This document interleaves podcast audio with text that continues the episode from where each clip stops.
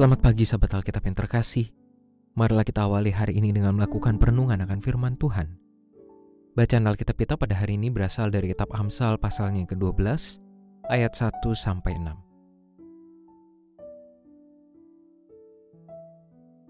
Siapa mencintai didikan, mencintai pengetahuan. Tetapi siapa membenci teguran, ia dungu.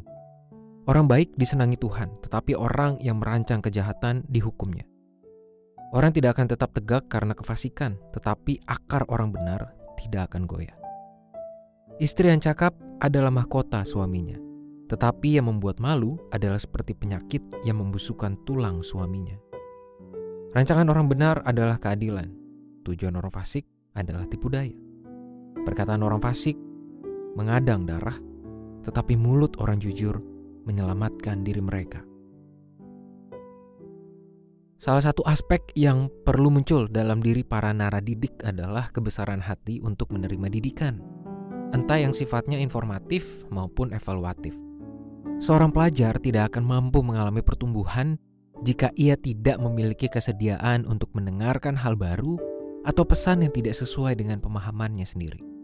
Itulah mengapa seseorang yang berpikiran tertutup dan berkeras hati sangat sulit untuk mengalami perkembangan hampir di banyak aspek dirinya sebagai manusia.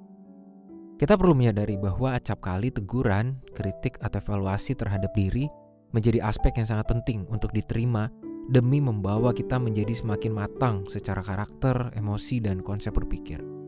Hal ini pun semakin relevan untuk kita terapkan sebagai landasan filosofis dalam menjalani hidup keseharian dan beriman sebagai umat Tuhan. Amsal 12 ayat 1 dengan tegas mengingatkan bahwa setiap orang yang mencintai didikan berarti mencintai pengetahuan. Namun keengganan menerima teguran merupakan tanda dari kedunguan. Teguran dan didikan yang dimaksud pun tidak sekedar ilmu sains atau aspek kognitif belaka, melainkan juga berkaitan dengan perkembangan karakter dan kualitas iman seseorang.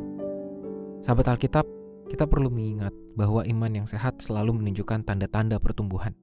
Proses pertumbuhan iman ini pun sangat sulit untuk terjadi jika kita masih terlalu berat hati untuk menerima berbagai teguran atau didikan yang tidak jarang justru bertentangan dengan kehendak diri sendiri.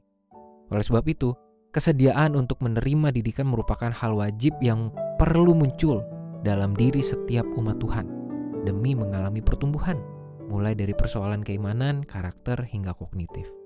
Kesediaan diri ini pun perlu dibarengi dengan kerendahan hati agar tidak terjebak dalam kebebalan dan kesesatan berpikir yang seolah terkesan benar padahal sedang menuju kefasikan. Marilah kita berdoa.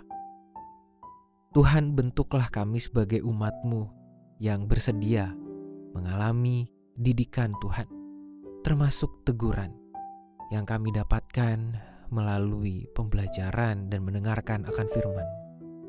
Biarlah hidup kami terus bertumbuh semakin matang sebagai umat.